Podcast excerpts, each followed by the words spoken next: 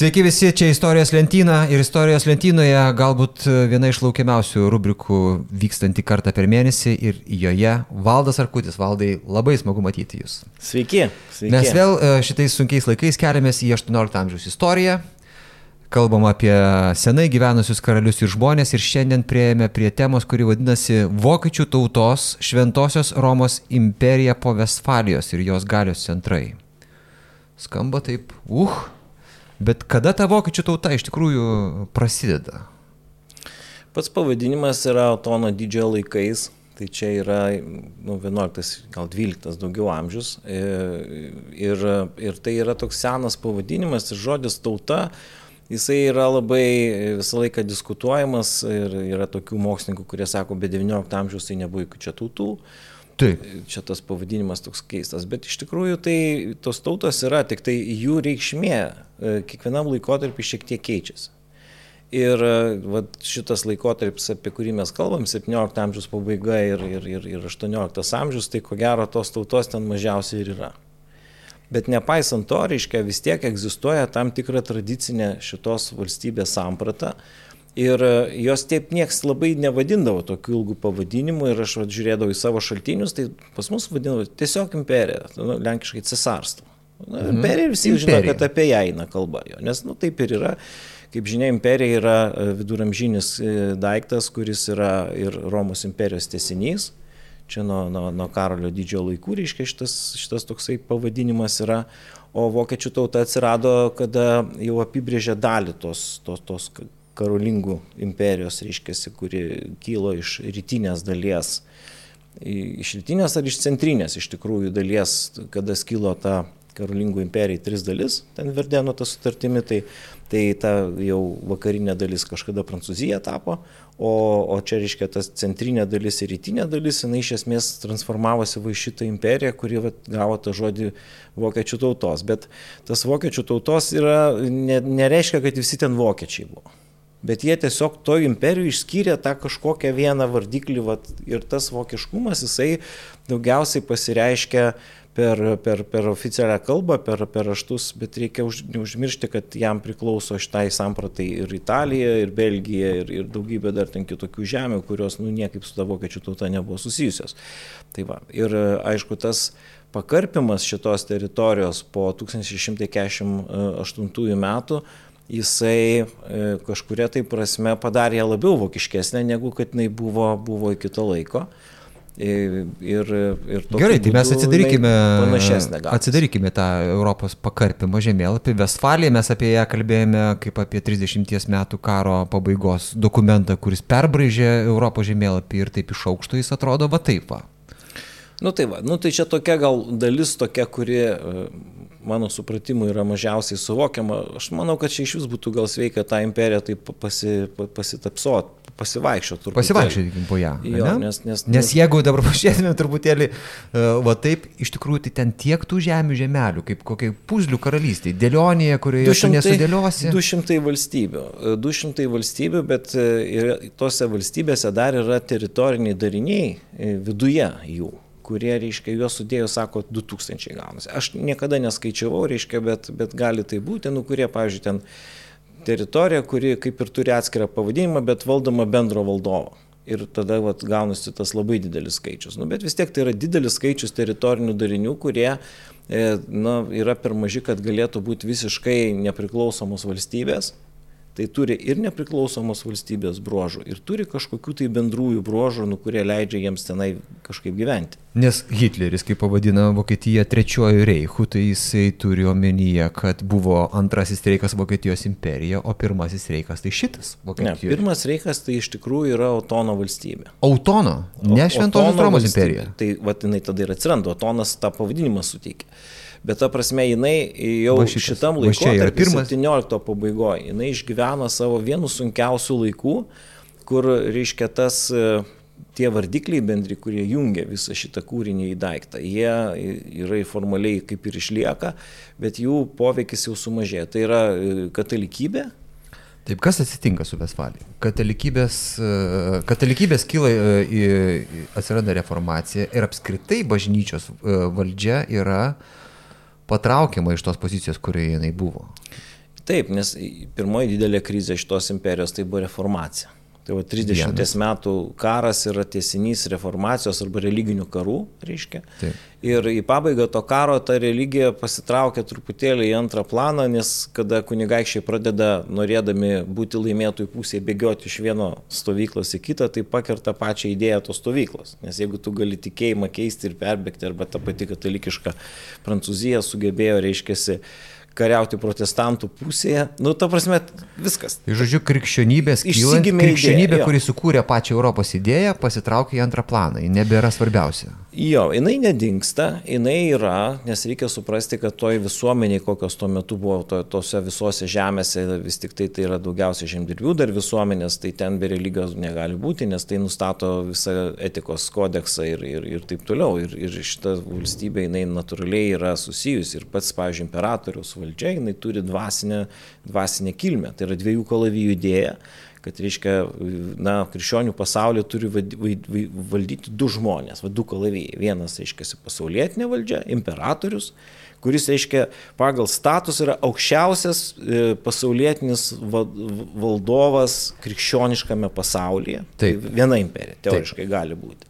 Ir antras dalykas yra popiežius, kuris valdo dvasinį tą pagrindą. Tai va taip yra suvokiama Europą ir tas dar bet, kaip ir. Bet popiežiaus autoritetas nukenčia ir ar jūs sutiktumėt su teiginiu, kad ir imperatoriaus autoritetas ir jo gale taip pat sumenksta po Vesfalijos, nes ją kiekvienas tas kunigaikštis toje vienoje iš dviejų šimtų tų kunigaikštyšių įgyja praktiškai autonominę kunigaikščio teisę elgtis savo valdose taip, kaip jam norisi. Taip, Ir tai yra, reiškia, labai stiprios išcentrinės jėgos, mes dar apie jas kalbėsim, kurios sprogdina tą imperiją. Na tiesiog, kada svarbiausias dalykas yra valstybės interesas, tai va čia yra labai svarbi Liudviko XIV laikų frazė, o jinai iš tikrųjų ateina dar iš išėlie laikų, kad, reiškia, svarbiausia yra valstybės interesas. Visi kiti interesai yra antroje vietoje, bet valstybės interesas yra pagrindinis, tai tokiai, tokiam dariniui kaip imperija tai yra mirties nuosprendis. Tai žodžiu, Prancūzijoje vyksta priešingi dalykai, negu kad vyksta Šventosios Romos imperijoje. Ten e, valdžia centralizuojama, o čia jinai e, padalyjama. Taip, bet kiekviename iš gabaliukė atskirai paėmus vyksta tas pats procesas kaip Prancūzijai. Reiškia, gaunasi, kad ta imperija jinai tokia tampa beformė, neaiški, ne, dar kalbėsim, kas ten su ją darosi, o tam kiekvienam gabaliukė iš esmės formuojasi po vieną mažą Prancūziją. Vienur daugiau, išlaikant senasias privilegijas, kitur, reiškia, reformuojant, darant labai daug. Ir užtat, ir, kada kalbam apie absoliutizmą Vokietijos imperijoje, nu, tai čia toks reikalas yra visą laiką diskutuotinas, nes yra dvi nuomonės. Viena gali pasakyti, taip, čia vyko tie patys procesai mes galim labai daug rasti absoliutinių valdžių, o kiti sako, iš esmėsgi niekas nepasikeitė. Ir abu bus teisūs. O kaip Jūs pakomentuotumėt Voltero pasakymą, kad ta Šventosios Romos imperija 18 amžiuje yra ne Šventosios, ne Romos ir ne imperija? Jo, bet reikia suprasti, kad šitoj vietoj Volteras ko gero atstovautų Prancūzijos požiūrį Vokietiją. Mhm. Ta prasme, reikia suprasti, kad tai yra jų požiūris, nes pati Prancūzija, reiškia, mūsų stereotipinė mąstymė, jinai yra tokia visada tokia centralizuota, visą laiką tokia pati didelė, tuo tarpu jinai realiai irgi buvo tokia pati decentralizuota ir daug iš mažų gabaliukų ir tik prisijungusi Bavarijos šitos... E, Burgundijos ir kai kurias kitas žemės jinai jau tampa iš tikrųjų stipria valstybė, stipria centralizuota. Kitol jinai irgi panašiai taip atrodo. Ir, pavyzdžiui, jeigu mes dabar pasižiūrėtume šitą smagų žemėlapį ir aš visą laiką ten užklausiu, tai kur ten pas mus, reiškia, Alzasas, Lotaringė e, ir šiaip, o, o kas čia vyko dabartinės Belgijos teritorijoje, tai mes rasim labai keistų daiktų. Tai gal pasivaikštom. Pasivaikštom po tą, po, tą, po tą keistą. E, pradžiai toks, aš norėjau, kad žmonės iškart nepasiklystų, bet šiandien valdai jūs turėsite tikrai kažkaip tai mums pravesti pro tą tankų mišką, bet pradžiai tik norėjau parodyti žmonėms, kad e, žiūrint iš aukšto buvo vis tiek svarbesni dariniai toje toje e, Vokietijos Šventosios Romos imperijoje už kitus tos mažesnius. Tai yra e, šeši elektoratai, tasme, pilie, pilietiniai ir, e, ir dvasiniai. Brandenburgas, Saksonija, Palatinatas, Bavarija, nu čia va yra dar Bohemijos turėjo būti, turėtų matytis ir tada dvasiniai tie. Taip. Tai dabar, reiškia, čia yra, e, reikia suprasti tokį daiktą, kad e, formaliai niekas nepanaikino šitos valstybės ir daugelis dalykų nebuvo sukurtų naujai, o buvo, reiškia, nu, tradiciškai tai buvo nuo seno.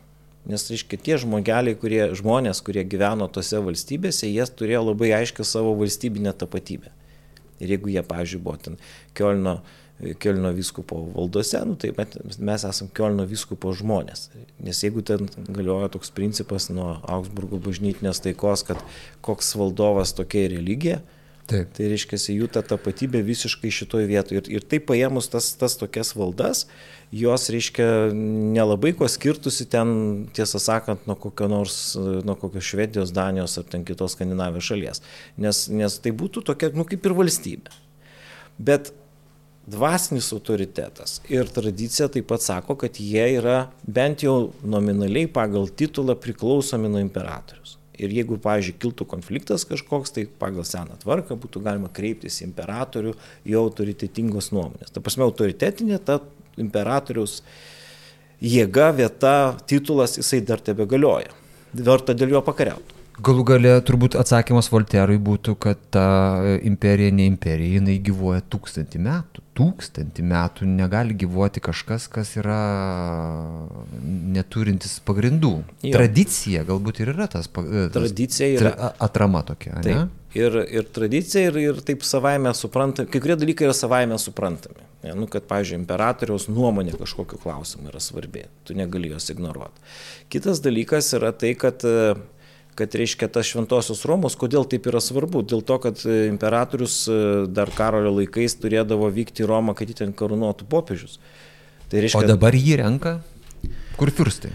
Nu tai ir anksčiau iš tikrųjų kaip ir, nu kaip visų pirma yra paveldėjimas, tai imperatorium paveldimą, paveldimą, bet yra ir pritariama tam paveldėjimui. Tas turi būti patvirtintas tas paveldėjimas. Nu jo, nu formaliai jie turi teisę ir tas žodis elektorius reiškia, tai yra kunigaikštis, kuris dalyvauja šituose rinkimuose. Nes, reiškia, tas imperatorius, jisai negali šitoje vietoje būti labai blogas, jisai negali būti koks nors labai, nu kažko jam ten labai trūkti negali, nes ten tų pretendentų yra daugybė ir, ir jeigu ten, sakykime, pasibaigia kažkokia giminė, neturi vyriškos giminės palikonių arba dar kas nors ten atsitinka, nu, tai tada kaip ir vėl grįžta klausimas į tą... Tai mes nukeliausime į, tą, į, į tokią vietą, nukeliausime šiandieną, ne? Taip. Bet dabar po tas teritorijas dar truputėlį pasivaikščiokime. Pa, pasivaikščiokime. Ja. Žiūrėkit, e, dabar aš e, vedu jūs į Baltijos jūros pakrantę, kurioje ruda spalva yra pažymėtos Švedijos teritorijos. Taip.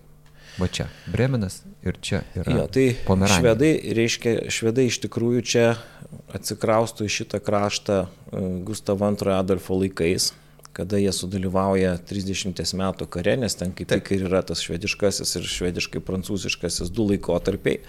Ir jų pagrindinis dalykas, jie sukuria, sukuria tą, reiškia, švedų pomeranę, nu tai Bremenas jiems čia priklauso, bet pagrindinis dalykas yra Štralzundas. Vat man tas miestas visą laiką yra įdomus, toks pavadinimas jo labai skandinaviškas, nes Zund reiškia sąsiurį. Mhm. Elizundas, pavyzdžiui, prie Kopenhagos. Tai, tai ir jie čia ilgam čia jie ilgam šitose žemėse, ta prasme, jos, jos yra reikalingos, kad švedų kariuomenė galėtų atsikraustyti į Europą, jeigu taip, taip galima būtų taip. pasakyti. Čia yra jų atramos bazė ir jie čia gan tvirtai leidžia šaknis. Ir šitą švedų pomeranė, jinai, jinai išlaiko tą sąmonę pakankamai ilgai. Turbūt paskutiniai tokie, nu, virš šimto metų jie čia išsilaikė. Ir jie tokiu būdu, reiškia, šiek tiek užima e, teritoriją, kuri kažkada priklausė Pomeranijos valstybei kurios sostinė buvo šiandien e, Lenkijai priklausantis, e, priklausantis reiškia, nu, miestai, dabar ten Lenkijos, ne, nu, tai kažkada buvo kunigaikštystės pats centras. Taip. Tai va, tai čia prie, prie, prie Oderio žiočių. O kas šalia? Mecklenburgas, Holštinas? Dabar reiškia šitos žemės, kurios yra arti Danijos. Ir mes čia matom tokias teritorijas, apie kurias paskui XIX amžiui bus daug kalbama. Tai Šlesvikas, Holštinas, Liūneburgas, e, Lauenburgas e, ir, ir dar ten kelios tokios žemės. Tai šitas kraštas, jisai yra vokiškas, priklauso Vokietijos imperijai, bet jį valdo, faktiškai valdo Danų karaliai ir senai. Čia vat, yra toksai įdomus dalykas. Ir vat, mes dabar susidurėm su tos imperijos tokiu prieštaringumu. Tie valdovai, pažiūrėjau, Danijos karalius, kaip šitų žemių valdytojas, jis yra Vokietijos, nu, Reichstago narys. Ne, iškiai, jis žaidėjas. Jis turi balsą. Mhm. Jis turi balsą. Bet kitos žemės nepriklauso Vokiečių imperijai. Ir jisai kaip karaliaus statusą turintis žmogus, jų bendroji hierarchija užima aukštesnę padėtį negu tie, kurie neturi to karalius. Iškitie titulai nusako vietą hierarchijai. Ir tokių daugiau yra valdų ir, ir tarp kitko tos valdos kartais dar svarbesnės yra negu visos kitos. Mes kalbėsim apie Prūsiją. Prūsija yra čia. Jo, nes Prūsija, Prūsija yra čia. Jo, bet Prūsija čia jau yra parodyta. Su, su, Bram, su Brandenburgo susijungus su Brandenburgu, tai čia jau po, po padalinimų realiai yra. Reiškia, o, o, o tuo metu. Ne, nesusijungus dar čia yra, yra reiškia, tik tai tie, ta, ta, ta reiškia. Čia Brandenburgas tik tais ir matosi. Jo, tai Brandenburgas, bet Pomeranijos teritorijos, jos tą Brandenburgą patenka, ne visada jos buvo Brandenburgo, reiškia, žinioje, bet vat, po Vestfalijos patenka, nes, pavyzdžiui, patys prancūzai, kurie iš tikrųjų tos yra Vestfalinės starties kuriejai, jie pasistengia sustiprinti Austrijos priešus. Ir vat, užkoduoja iš karto, kad Brandenburgas jisai bus didesnis, o dar kadangi Brandenburgui priklauso Prūsija, Prūsija. Nu, Taip. rytų Prūsija vėliau vadino, bet tada dar Prūsija reiškia, tai tada jie gavosi čia visiškai žaidėjais dideliais ir dar reikia pasakyti, kad Brandenburgui dar priklauso į vakarus esančios kelios kunigaikštystės, kurios kaip kokios salos yra. Ta prasme, valstybė nėra vientisas daiktas, bet tokie išmėtyti gabalai. Apie Prūsiją mes kalbėsim dar atskirai, turėsim jo, atskirą visą jo. laidą, e, dėl to, kad Prūsija yra svarbus žaidėjas ir e, Šventosios Romos imperijoje taip pat. Taip, dabar jeigu kalbėtų apie Mecklenburgo, e, reiškia, hercogystę, tai čia yra nu, pakankamai biednas kraštas, Vat reikia tą pasakyti ir, ir ten yra gamtinės sąlygos gal kažkiek įtakoja kad ten iš tikrųjų visą laiką buvo toksai, nu, toks nestipriausias žaidėjas, ne toksai, toksai, nu, bet teritorija gal ir didelė, bet, bet, bet ten iš to, iš to mažai labai naudos, o svarbiausia e, yra priekybinių požiūrių miestai, e, per kuriuos vandeniu galima gabenti prekes iš Baltijos jūros. Tai va čia Bremenas, reiškia, Liubekas ypatingai šitoje vietoje. Taip, čia, čia, va, tos... Švedai čia neblogus kasnis turi. Jo, jie valdo pačius saldžiausius, nu tai tu iki galo nevaldo, reiškia, ten Danai dar kažkiek prižiūri, nes Danų užduotis, kad kuo mažiau prekių judėtų šito keliu. O judėtų nu, per tas upes, nes Liubekas, mhm. reiškia, jisai čia tie, tie vandenys susisiekia tam tikroje vietoje, reiškia, ir galima vandenį, nu, tik ne su dideliais laivais, bet tokiais nedideliais laiveliais, čia galima irgi apeiti Danijos sąsiurius. Ir, ir aišku, čia Danija būtinai jos turi kontroliuoti, kad tik tai, tai ne, ne, neišauktų, nu, neatsirastų kilio kanalas, kitaip. Nes jeigu atsiranda kylio kanalas, tada Danų pagrindinis uždarbis iš zundo mokesčių dinksta. Danų ir švedų konkurencija užprogramuota. Ir jinai, yra, niekada. ir jinai galėjo labai greitai pasibaigti, bet, reiškia, visos jūrinės valstybės dėjo didelės pastangas, kad Danai, būdami silpnesni, ne, neišnyktų. Nes jeigu švedai viską užvaldytų, tada jau būtų labai sunku ką nors daryti. Tai jie visą laiką pasistengdavo palikti laisvus vartelius. Aha ir apgindavo Danus, kai jau būdavo labai blogai. Šalia, e, šalia švedų yra dar vienas įdomus žaidėjas, kuris gali dar labiau subalamutinti mūsų klausytojus e, Hanoverio žemės, kurių, kur fiurstas yra tuo pačiu ir Anglijos karalius. Taip, ir čia vat yra toksai daiktas, kad, reiškia, tie, tas Hanoveris e, kartu su, su, su, su Anglija, jisai sudaro gana didelę, didelę reiškia, teritoriją ir Ir tiesą sakant, tie valdovai daugiau mėgdavo būti šitoj dalyje negu pačioje Anglijoje. Nu, ta prasme, jiems labai čia gerai buvo, karalius titulas ir visa kita, bet ryškiai. Kal, kalba vokiškai. Nu ir kalba, bet jie tiesiog čia gerai jautėsi, nes ten e, reikia neužmiršti, kad Anglijoje vis tik didelę reikšmę dar turi, e, turi ten parlamentas. Ir, ir, ir tas karalius, nu, ta konstitucinė tokia monarchija, jinai nėra tokia jiems maloni, jiems, jie savo žemėse jiems... daug tvirčiau laikosi. Ir čia gal ir patiem anglam labai gerai, dėl to, kad tokiu būdu tas valdovas nesiekia įveikti visai parlamentą. Nu, ta prasme, silpno valdovo jam reikia, bet, bet reikia, kad būtų. Bet Anglijai tai yra e, kažkoks e, svertas e, tvarkytis reikalus žemyninėje Europoje? Šitos Hanoverio Kadangi žemės. jų užduotis yra laikyti pusiausvyrą, mhm Tai jie ne tik tai čia per, per Hanoverio teritoriją, bet taip pat ir su kitom kunigaikštystėm, mesdami vairius ryšius ir visokias vedybas, jie išlaiko visam šitam, sakykime, šiaurės vakarų regionui didelę, didelę įtaką. Ir tarkime, kada jiems reikės kariauti, pavyzdžiui, su amerikiečių, amerikiečių revoliucija, taip vadinama, tai jie sugeba pasamdyti labai daug vokiečių. Iš tikrųjų, vokiečių labai daug tenai pas juos kariauja, kadangi anglai moka pinigus, o tos kariuomenės ne, ne, neturi iš ko išlaikyti kariuomenių, tie, tie, tie savininkai arba tie, Aha. tie kunigaikščiai. Ir tokiu būdu, reiškia, čia, čia tas jų buvimas duoda jiem tam tikros didelės naudos, bet ko anglai labai bijo, tai įsivelti kažkokius didelius vidinius karus. Tai jie va šitoje vietoje stengiasi laikyti šonę arba pereiti silpnesniojo pusę, kad išlaikyti tam tikrą pusiausvyrą. Tai va čia bet tokia įdomi mintis yra, kad anglai e, turi pinigų, turi už ką susimokėti, bet patys tingi daryti. Aš tą mintį jūs esu girdėjęs, pavyzdžiui, pasakojame apie tai, kad e, grūdų kaina e, Europoje kažkokiu metu stipriai šoktelėjo dėl to, kad turtingosios šalis atradusios naująjį pasaulį, nu, pagalvoju, kad mes turim pinigų, mes nenorėsim, nenorėsim dirbti šito darbo, Kaž, kažkas už, už mus jį turėtų padaryti. Ir tai buvo Lenkijos, pavyzdžiui, šansas užsidirbti pinigų iš grūdų. Jų taip, nu, kita vertus, kaip sakyti, jeigu žmonės susiję, jeigu valstybė susijusi su priekyba ir su amatais, tai jinai visą laiką labai skaičiuos, ką daryti ir ko nedaryti. Nes jeigu nusipirkti yra pigiau negu gaminti, tai tada verta pirkti. Nu gerai, bet uh, gerai, čia dar vienas mano toks kontra iškart klausimas. Uh, Anglija laivų šalis, kuriai, kuriai reikia būrių, reikia lynų, tų virvių ten ir visa kita. Reikia, reikia vadinamo, kanapių. Vadinamo laivinio miško. Ir kanapių jiems labai reikia. Va tiem, va tiem, tiem. Ir jie priima sprendimą neauginti kanapių ir pirkti ją, jas iš Rusijos. Bet Rusija yra žaidėjas politikoje, prieš kurį tau gali tekti kariauti, jeigu tu esi nu, priklausomas nuo, nu, tasme, į, į, į, va šitoje vietoje, tose paskaičiavimuose kartais atsitinka paskaičiavimas, kad mums gerai yra turėti ten e, dujotikį su Rusija ir po to mes nebegalim turėti, e, kaip čia pasakyti, erdvės nu, nu, laisviems sprendimams politikoje.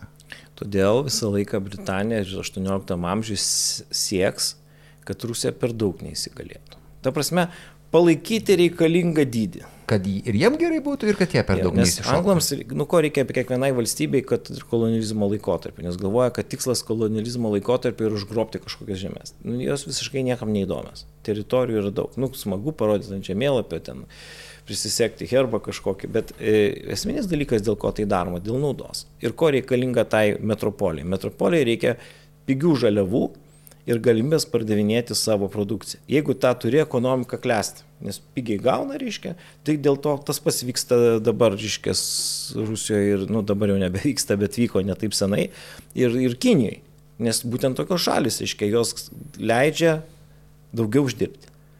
Tai tas tų, tų rytų Europos valstybių buvimas vakarų valstybėm yra būtinas, jie be to negali gyventi. Negali klistėti. Bet gal anglai geriau susiskaičiavo negu šiais laikais e, susiskaičiavo, nes po to vis tiek e, pasikeičia tas svarstyklių balansas ir gaunasi taip, kad tai, kas buvo naudinga tau, e, pasidaro tai, be ko tu gyventi negali, pasidaro priklausomybę susikūrti. Bet, pažiūrėjau, Anglijai Rusija negresia tol, kol nepriartėja prie pagrindinių sąsiurių.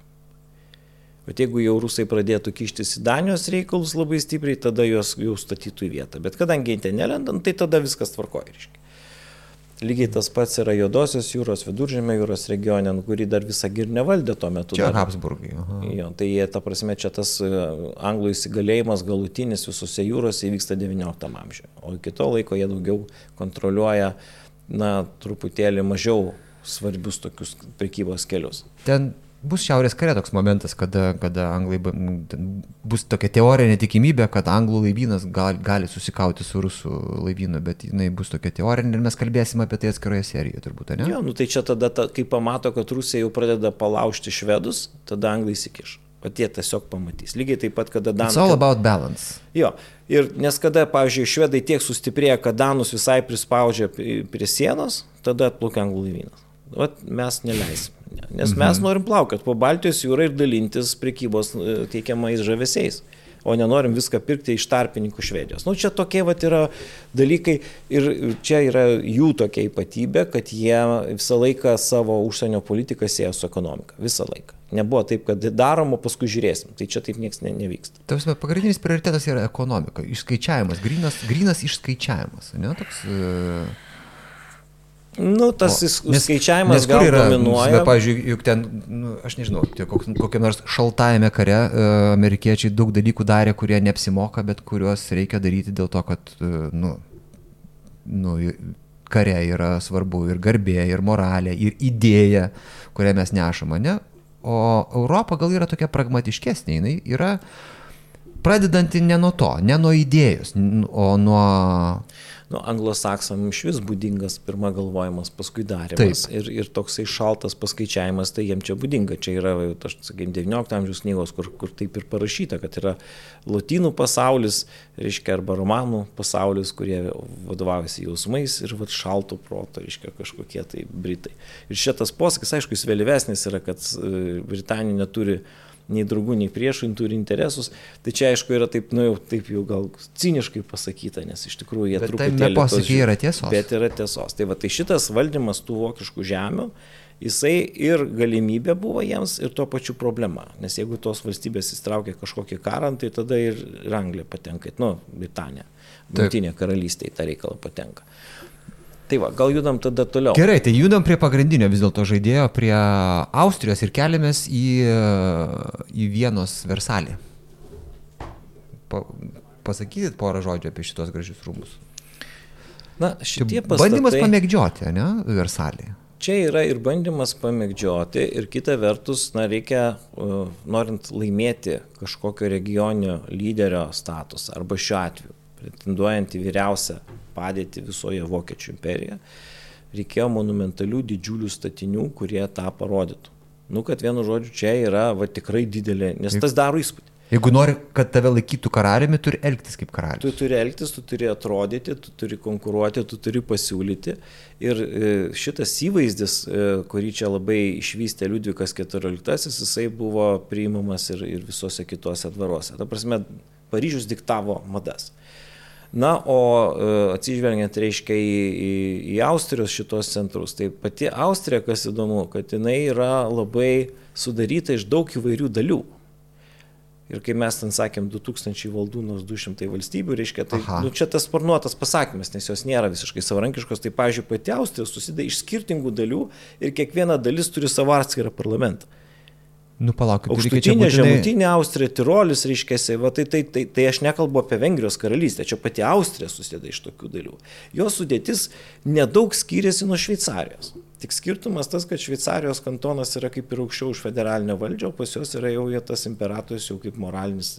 Ir tai dar jo, tos, to, reiškia, Habsburgų monarchijos viduje mes dar galime išskirti, reiškia, tokias svarbės sudėtinės dalis, kurios netautinė požiūrė yra visiškai nevokiškos. Na tai reikėtų turbūt pasakyti, kad yra na, Čekijos karalystė visų pirma. Tai o, čia Čekijos, turiu šiek tiek va, taip, tai ta Čekijos karalystė sudaro iš esmės trys sudėtinės dalis. Tai yra Bohemija, nu, tai dabartinė Čekija, taip galima pasakyti, Silezė, tai yra tos žemės, dėl ko jie paskui kariau su Prūsija ir kas dabar dalim priklauso Lenkijai šitą teritoriją. Ir Moravija, nu Moravija ir šiandien yra Moravija, yra Čekijos, e, Čekijos valstybės sudėtinė dalis, tai yra Bohemija ir Moravija. Na, o tai, kas Slovakija, pavyzdžiui, yra, tai jau priklauso Vengrijos karalystė. Dėl to jos niekada nieko bendro neturėjo. Čekoslovakijai, Čekija su Slovakija nieko bendro neturėjo. A ne? Visiškai. Slovakija yra Vengrija. Buvo Vengrijos karalystės sudėtinė dalis. Tai Ten jau pirmo pasaulinio karo Dabar... pabaigos reikalai, bet profesoriu, jūs čia paaiškinkit žmonėm vieną labai svarbų dalyką. Žiūrėkit, va čia va yra raudona linija apibriešta Šventosios Romos imperija, visa Taip. ta imperija, o čia geltonai yra Habsburgai ir jie pavyzdžiui, va ta Bohemija, Silezija, Austrija e, priklauso imperijai, Taip. o va kas už šitos linijos jau nebepriklauso, jau čia yra grinai Habsburgo valdos. Kaip čia yra va šitas uh, dvigubas kažkoks sunkiai suvokiamas daiktas? Nu, čia yra tradicijos reikšmė. Reiškia, jeigu yra tokios tradicinės sienos, tai yra laikomas jos yra teisingos, nejudinamos ir taip toliau. Ir čia, jeigu turi tokias žemės, tada tu esi žaidėjas Romos imperijai renkant imperatorių arba turint tam tikrą statusą, o Vengrija jinai niekada nepriklausė e, vokiečių tautai ir vokiečių tai imperijai, vis laik buvo atskira karalystė. Bet kadangi taip gavosi, kad, reiškia, juos varšus vengrus 16 amžiui užvaldė Osmanų imperija, tai liko tik tai nedidelė dalis tos Vengrijos ir tada ta Vengrija gynė nuo kitatikių, reiškia, Vokiečių imperiją nu, ir užmiršo išeiti, kaip dažniausiai atsitinka. Reiškia, realiai paskui tie patys Habsburgai, jie turėjo, buvo ir Austrijos valdovai ir tuo pačiu metu buvo Vengrijos karaliai. Toks dvigubas jų pavaldumas. Bet tai čia buvo... Karūnacija atskirai vyksta. E, jo. Vienoje karūnacija atskirai Vengrijoje. Jo, bet reiškia, nes Vengrija yra didžiulė. Nes daug Taip. kas galvoja, kad tuo metinė Vengrija tai yra dabartinė Vengrija. Tai nieko panašaus. Vengrija yra didžiulė. Vengrijos karalystė, jinai apima ne tik tai, sakykime, didelę dalį dabartinės. Jo, nu, tai Transilvanija, pažiūrėjau. Tai čia yra nu, kaip ten bebūtų, reiškia, yra dabar Rumunijos didelė dalis. Ir aišku, ten toliau gyvena vengrai ir ten jų santykiai nėra patys geriausi, įtampos iki šios dienos ir labai rimtos yra. Nes vengrai laiko, kad tai yra Vengrijos karalystės dalis.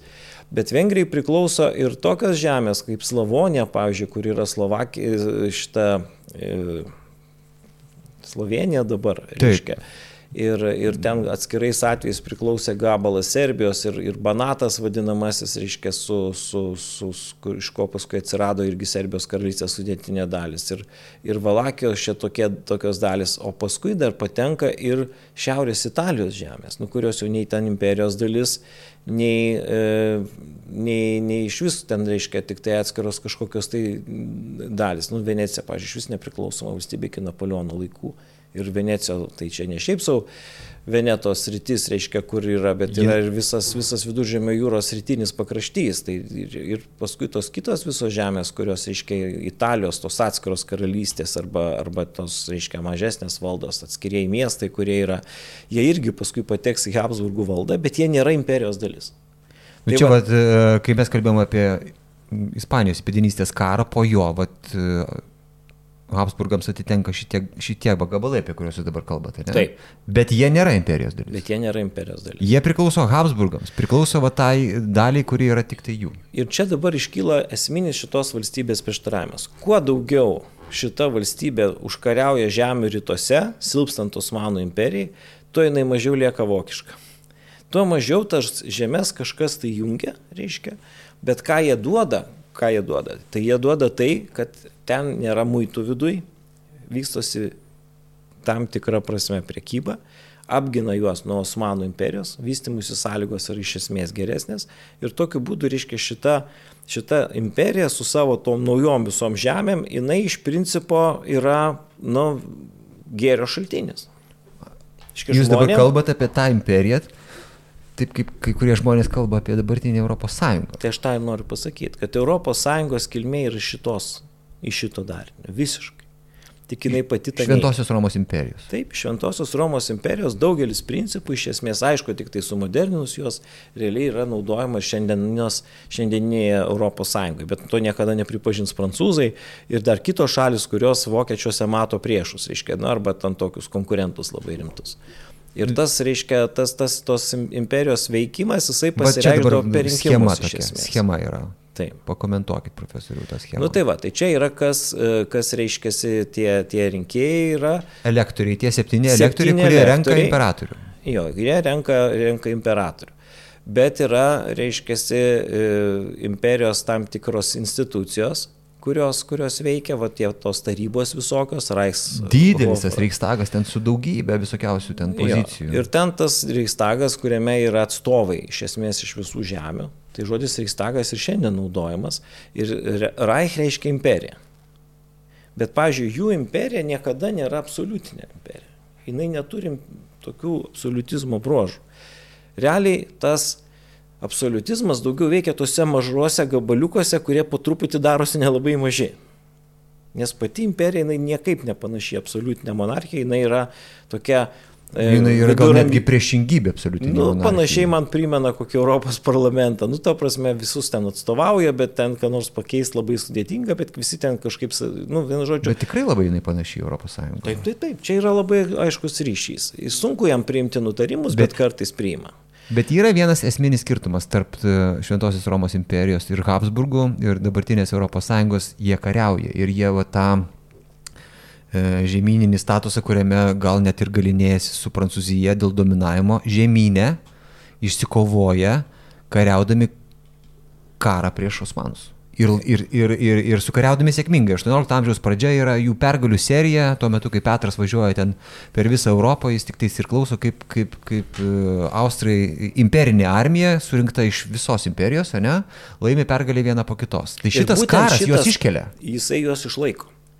Jis iki galo neišnyksta ta imperija, kadangi šitoj vietoj suveikia. Nes tada reiškia... Kas... Jūs sakot, kad ES reikės karo, kad, kad jinai galėtų išlikti? Na, aš kažkada esu pasakęs tokią mintį, bet čia dar labai senai, kad arba ES taps imperija, arba jos neliks. E, tai čia labai žiaurus pasakymas, bet mm. kažkuria prasme taip ir yra. Nes jeigu jinai nesugeba turėti veiksmingos valdymo sistemos, jinai nu, anksčiau ir vėliau priešų tie prieštaravimai bus išnaudoti. Ta prasme, nu čia ypatingai tas liberum veto, kuris yra šiandien, bet jau aš dabar girdžiu balsus, kad jau gal reikėtų iš vengrų atimti teisę ant balsų.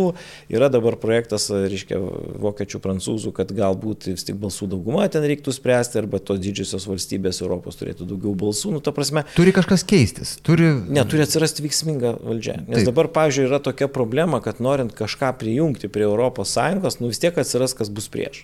Nu, kokia nors viena, vat, kaip Makedonijos atžvilgių atveju reiškia, bulgarai sako, tai turi rašyti į konstituciją, kad jie yra bulgarai.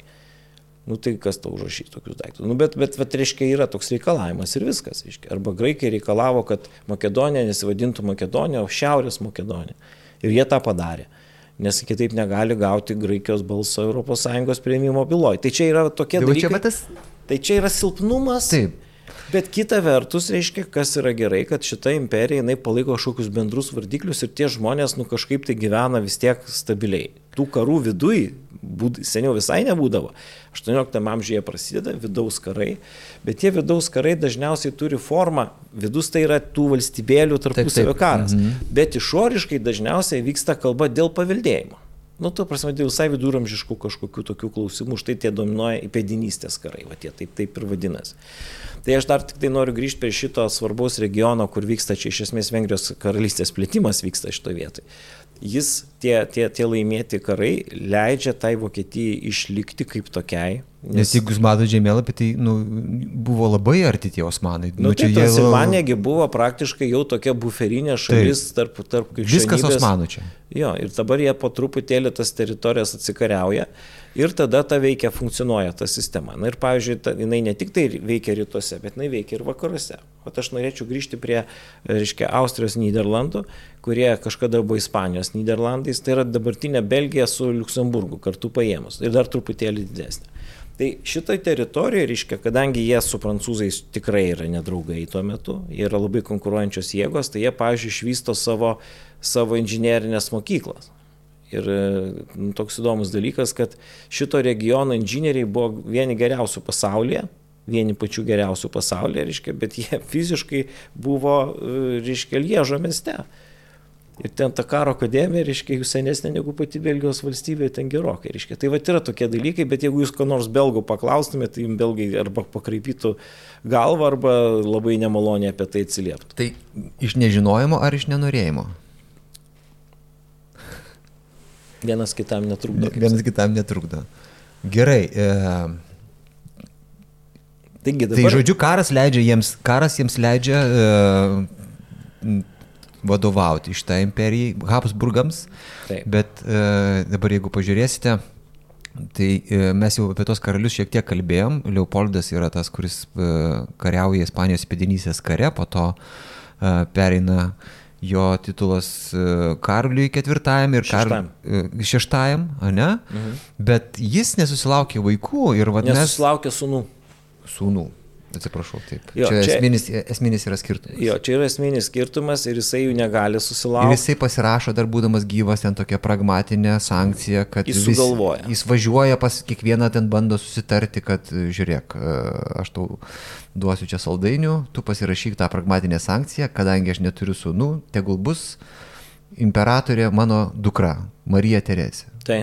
Jis tarsi buvo susitaręs, bet, bet, bet kai numirs, visa, visi tie susitarimai nieko nebereikš. Ir nu, čia šalia yra Hohenzollernų dinastija, tai. kuri yra iš mūsų Prūsijos jinai yra iš tikrųjų pas mus iš mūsų Prūsijos. E, tas, sakykime, apsijungimas Brandenburgo su Prūsija įvyksta 1618 metais. Tarp kitko, lietuviai labai mažai žino apie tokius dalykus, nes e, tai yra nu, mums svarbus dalykai, kadangi apsijungimas Prūsijos ir Brandenburgo mūsų Klaipėdo kraštą tiesiog giliečiantis įvykiai. Nes mūsų galvose mes save tapatinam su Lietuvos didžiaja kunigaikštystė, o ne su mažai Lietuva ir ne su Prūsija. Bet ten yra mūsų gabalas, nu, ten yra mūsų, nežinau, Donelaitis, Rėza, mūsų Taip, istorijos. taip, taip, viskas vyksta tenai. Ir tas Brandenburgas ir Prūsija, jisai yra, reiškia, iš karto mirties nuosprendais e, Lenkų žemėms, kurios yra tarpė jų. Va čia, čia buvo, nu, labai nekas. Ir tuo metu Prūsija yra vasalė Lenkijos. Taip. Bet jinai iš vasalės. Ne, jinai ilgai išbuvo. Jinai praktiškai pabėgo tik Olivos 1660 metais. Jo. Tai bet mes gal prie Prūsijos Prie atskirai. Prūsijos ten atskirai, bet, bet e, va šitas e, Friedrichas, tai jisgi karūnuojasi pirmoji Prūsijos karaliumi. Bet va čia koks įdomus dalykas. Kodėl? Karaliaučiai. Todėl, kad Prūsija nėra imperijos dalis. Jam, kar, jam imperatorius leidžia karūnuotis mainais už pagalbą kare su, Taip. su Prancūzija. Taip. Va toks yra dalykas ir tokiu būdu iš esmės Austrija pasidaro savo konkurentą. Nes jisai vienu atveju yra kaip Vokietijos, reiškia, imperijos narys, kitu atveju kaip nepriklausomas karalius. Bet tiesiog imperatoriai yra jie reikalingi, kaip turintis neblogą kariuomenę. Nu, jis neturi kitų variantų. Jeigu imperatorius nori ką nors daryti, jis turi kažkam pažadėti, nu kažkas tai turi jį remti, reiškia. Nes jeigu jisai vien tik taip pat savim rūpinsis, jo niekas nerems, jisai nėra pajėgus remiantis vien tik savo tiesiogiai valdomomis žemėmis, ką nors nuveikti, tuo labiau, kad Vengrijos karalystės lojalumas yra visą laiką labai labai kvestionuojamas. Nes visi priešai, norėdami pakengti, sukelia kokią nors ten sukilimą maištą arba dar ką nors, o tą nesunku padaryti, nes Vengrija didelė. Ir iškia, Vengrija, pačių vengrų gyvenamos teritorijos nėra labai didelės, bet yra daug tokių, sakykime, vengrų didikų, kurie turi plačias valdas tose kitai, kitom kalbom kalbančiose teritorijose, tame tarpe Balkanuose, reiškia, ir jie tenai tie, jie, jie ten kon- konsoliduoja jėgas. Ir, ir jeigu vengrus sukeli prieš austrus, tai jie yra dideliai bėdoje. O tą netaip sunku yra padaryti ir nekartai yra atsitikę, kad tai buvo. Tai va čia yra tas pavyzdys, kaip tai reiškia tos valstybės sudarytos iš skirtingų visiškai kalbų, kultūrų ir, ir tradicijų, nu jos yra silpnos. Ir visą laiką toj vietoj gali vykti skilimas arba jai pakenkimas. Tai va čia yra tokia jos, jos reiškia, jo tokia silpnybė. Ir va dabar, kada mes kalbam apie tą daiktą, kas vadinasi Austrijos įpėdinystės karu, tai štai tas Karlis VI, jis iš tikrųjų kaip ir užtikrina sėkmingą paveldimą per moterišką liniją, kadangi Marija Tereza demonstruoja valstybininkės gebėjimus. Taip, jinai nuvažiuoja pas vengrus, e, pasiemusi savo vaiką. Tai čia ten- jau apie tai kalbėsim. Čia bus Aha. didelės bėdos valanda, reiškia. Bet šiaip iš principo yra, Habsburgų yra ir daugiau. Ir giminystės ryšių jie turi su viso pasauliu, jeigu taip galima pasakyti. Ir kada iš tikrųjų miršta Karolis, e, reiškia, Karolis Šeštasis. šeštasis, tai tada tas reikalas, nesvarbu, ką visi pažadėjo, jisai iškyla iš naujo, nes atsiranda pretendentų. Pretendentai sako, o pagal galiojančios imperijos įstatymus turi paveldėti vyriškos giminės ir, ir čia vat, mes turime bavarų, e, bavarų pretendentus. Ir dar turime Friedrichą. Ir dar turime Friedrichą, kuris, ar čia visai netinka šitą istoriją, bet jis, taigi, Šitas- naudojasi šitą situaciją. Jisai naudojasi, jisai yra cinikas, jisai yra, reiškia, tas vat, valstybės intereso toksai nuriškiausias atstovas šitam krašte, tik tai jisai nėra pretendentas, tai jisai šitoj vietoj labai gerai paremė, reiškia, Bavarijos kandidatą. Ir Silezijos karai yra, yra du Silezijos karai ir dar septyniarių metų karas, nu kur vyksta dėl Silezijos tarsi karas, bet ten Taip. iš tikrųjų dėl ko vyksta kova, dėl, vyksta kova, kasgi bus imperatorius. Nes Karolis Albertas, reiškia, jisai visai rimtas yra pretendentas mūsų šitoje vietoje ir jisai, jisai mano, kad jisai galėtų būti imperatoriumi, tiesą sakant, jam pavyksta. Jis Karolis Al Albertas tai čia yra Bavarija. Bavarijos, jo, bar, tai va. Nu, palaukit, profesoriu, čia dabar jau uh, daug labai upelių į, į vieną vietą susi. Žodžiu, uh, didelio karo išvakarėse taip atrodo Šventosios Romos imperija, taip atrodo Habsburgų valdos, kuriuose viskas atrodo čia taip pakankamai stipriai ir galingai, bet netrukus įvyks didelis sprogimas. Mes keliaujame į Silezijos karus. Tai didelio karo išvakarės ir karą pradeda klastingasis Friedrichas II. Jo, Friedrichas jisai, reiškia, yra toks, kaip sakiau, cinikas pakankamai jo ir jisai supranta, kad Prūsija, kuri gavo neblogus priaugo, sakykime, ankstesnių valdovų metu, išvengia kažkokio sutraiškimo. Turi paruoštą tėvo armiją. Jis ne tik tai tėvo armija, bet dar pats neblogai prie to padirbėjo, nes nors tėvo labai nekenčia tam tikrai, jų yra didžiulis, e, didžiulis konfliktas, nu, bet tai, apie tai kalbėsim, kada apie vidinius dalykus, šitoje vietoje jis tęsė tėvo politiką. Tai prasme stiprina finansus ir kariuomenę. Ir jam, aišku, reikia ką nors atimti. Jeigu apsidairysim aplinkui, nu tai iš ko čia galima atimti? Atimti galima iš mūsų, bet čia Rusija stebi, kad nieko neįvyktų, reiškia nu ką atimti tenai, nelabai čia ką atimsi, švedų dar neišmesi visiškai, reiškia, ir jisai tada nakrypsta jo žvilgsnis į Sileziją. O Silezija yra labai svarbi teritorija, kalnio, kalnuota pakankamai teritorija, kur yra labai daug naudingų iškasenų. Ekonomiškai svarbi. Ekonomiškai labai svarbus daiktas. Na ir tokiu būdu reiškia, e, jam reikia kažkaip tai dabar sugalvoti, kaip čia padaryti. Nu, ir tada paskatina bavarus, reiškia, kurie ten turi kaip ir galimybės pretenduoti į tą imperatoriaus e, pusę. Na, o reikia neužmiršti, kad prancūzams šitas karas taip pat labai įdomus. Dėl to, kad prancūzams tiesiog yra Habsburgai konkurentai Europoje. Jo, ir jie, aišku, galvoja, kaip jom praplėsti teritoriją, kaip matot, šalia Prancūzijos ir Austram priklausantis Niderlandai.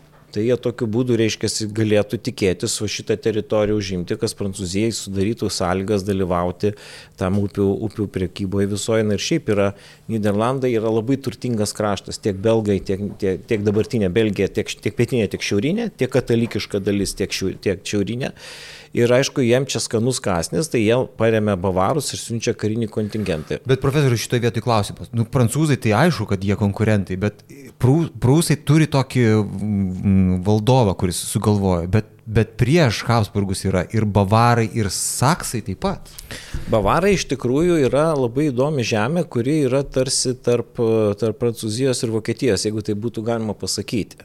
Tais laikais, aišku, jie neturi čia bendros, bendros sienos ir, ir taip toliau. Bet bavarai jie e, kultūriškai jie yra truputėlį arčiau prancūzų dažnai negu anglosaksų pasaulio.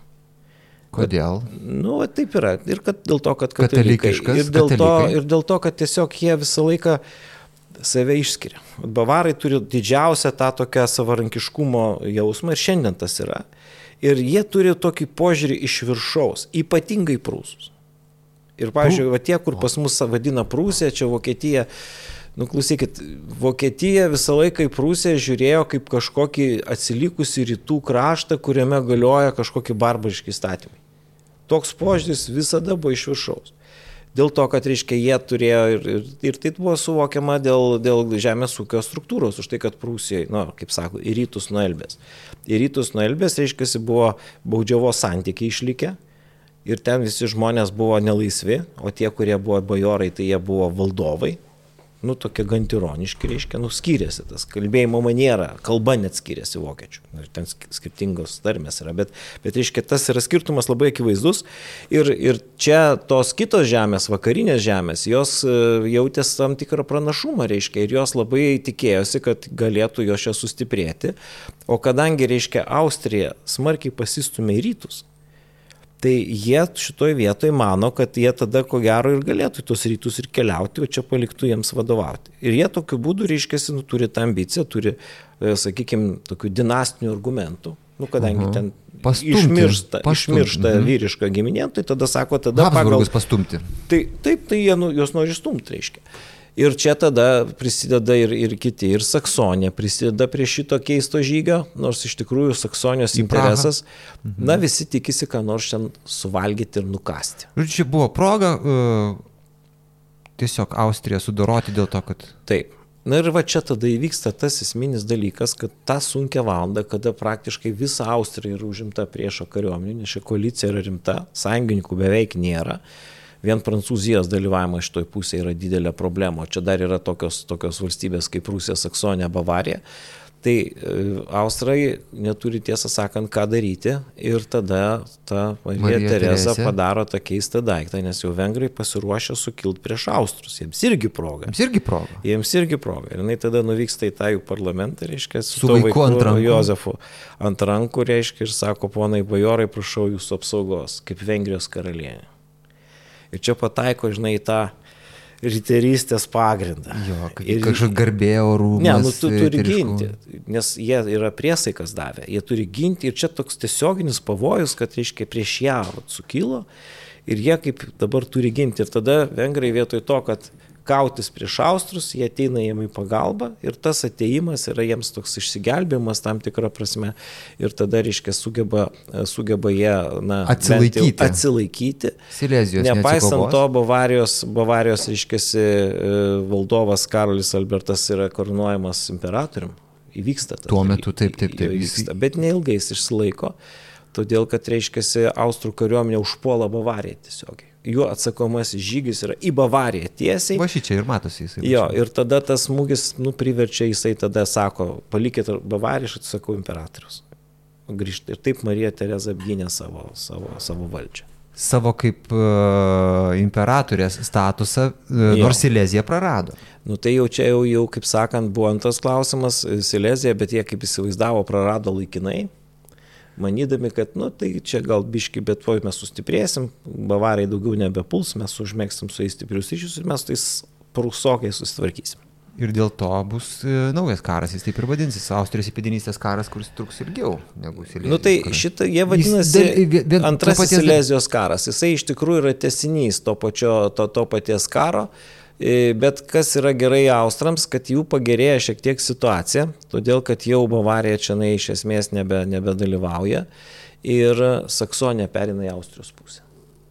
Tai čia yra jų, jų pasikeitusios sąlygos ir jie bando labai sunkiose kovose, reiškia, čia Čekijos teritorijoje tas karas iš esmės vyksta, reiškia, jisai, jis, jis nu, ir ne, ne, ne. Praha yra apsupama. Tai jo, Praha apsupama ir, ir, ir, ir jie vienu žodžiu, kaip sakyt, nu nepaėgė jie tos Silezijos atkariauti. Supranta, kad be sąjungininkų, didesnių sąjungininkų, be didesnės koalicijos jie laimėti negalės jie tada pradeda ieškoti, kas galėtų juos paremti. Ir čia, pavyzdžiui, atsiranda tokios draugystės tarp Austrijos ir Rusijos, o jie kartu kariauja prieš Osmanų imperiją, tai tokiu būdu, reiškia, derina savo veiksmus. Ir čia ieško, kas galėtų, kas galėtų jiem padėti. O Saksonijoje nepasisekė, nes jeigu pirmam Silezijos kare Saksonija, reiškia, jinai yra, yra, na, kaip čia pasakyti, jinai yra vienoje pusėje, dabar Taip, jie perina į kitą pusę. Ir Prūsijos pusėje dabar. Ir jis laik nepataiko.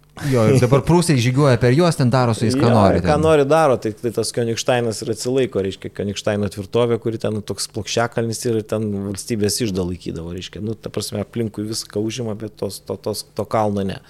Bet tai va. Saksonija tuo metu yra unijoje su mumis. Taip.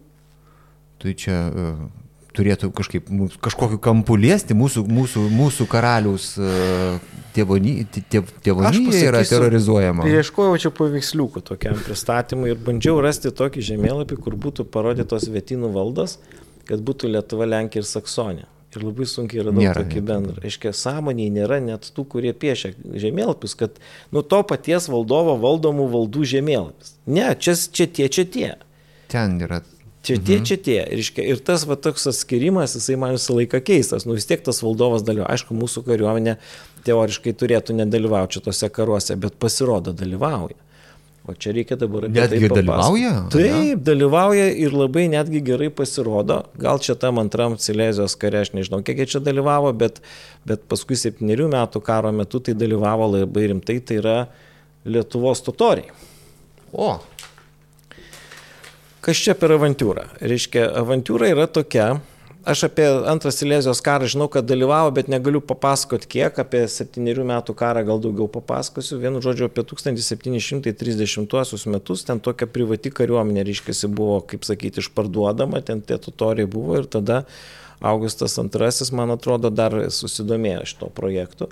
Ir jisai iš visos Saksonijos kariuomenė ėmė kurti tokius atitikmenis mūsų kariuomenės. Pas juos yra husarai, yra Lietuvos totoriai, ten, nu, vien žodžiu, tokios sparnuoti husarai yra, Janišaro, reiškiasi, muzikantai, ten 30, nu, 30 metų reformos, ten truko kelis metus. Nu, tai bandė sukurti. Tarp kitko, jo šitos pastangos davė neblogą rezultatą. Na ir tada, reiškia, į tą Saksonijos kariuomenės priklausomybę pateko, pateko ir Lietuvos totorių du pulkai. Ir tie pulkai, reiškia, jie ten labai gerai pasirodė, nes pasirodė va, šita lengvoji kavalerija, čia labai sėkminga. Ir paskui, aišku, buvo sustiprinta ir tie pulkai užaugdavo. Jeigu, sakykime, taikos metu ten apie 300 žmonių, tai karo metu jie ten prikaupdavo virš tūkstančio beveik. Ir ten labai sėkmingai kariavo ir paskui tik tai pasibaigus septyniarių metų karui, e, na ne visi, bet tie mažesni pulkai grįžo ir buvo Lietuvos kariuomenės dalis - ketvirtasis ir penktasis priešakinės sargybos pulkai. Ir aš, kadangi buvau Dresdenė, reiškia, ieškojau popierių, kaip ten jie aprašyti. Tai pasirodo, visa susirašinėjimas vidinis ir lenkų kalba. Dokumentai lenkiškai. Tai reiškia, jos priėmė nu, visai tokius, tokius kaip tai, va, Josefas Bielekas yra, reiškia, paskui Ulanas, Aleksandras, man atrodo, tai čia va, yra tie garsieji pulkininkai, jų, kurie ten tikri pulkininkai ir, ir, ir netgi generolai ir totorių, reiškia, tai čia jų, jų istorija yra aukso dalykai kaip jie. Ir iš čia kilo žodis ulonai, Iš čia? Iš čia, Vat iš jų, iš Lietuvos totorių kilo pavadinimas ulonai. Ir dar vienas dalykas, kuris keistas, reiškia, jų tautinės kepurės, kurios yra vadinamos konfederatkom, Lenkijos dabar tapatybės dalis. Nu tai čia toks. Konfederatkės. Va, jo, jo, nu tai ta prasme konfederatka pavadinimas yra jau vėlyvesnis, reiškia, bet iš esmės va šitas ketur, tas tačia kampis arba kvadratas netgi tas viršui, tai čia yra, yra totorių va, to nacionalinio karinio drabužio sudėtinė dalis. Ir aišku, tie žmonės grįždavo čia atgal ir jų toj sąmoniai totorių yra tai padaryta, kad jie save suvokia, reiškia, kad va, tas būtent karinis laipsnis, nesvarbu kurios, kurios kariuomenės, jiems yra jų pasiekimų ligmuo. Tai generolas jau čia jiems yra labai svarbu. Tokia kar, karinė tauta, jeigu taip galima pasakyti. Tai va, tai čia grįžtant prie...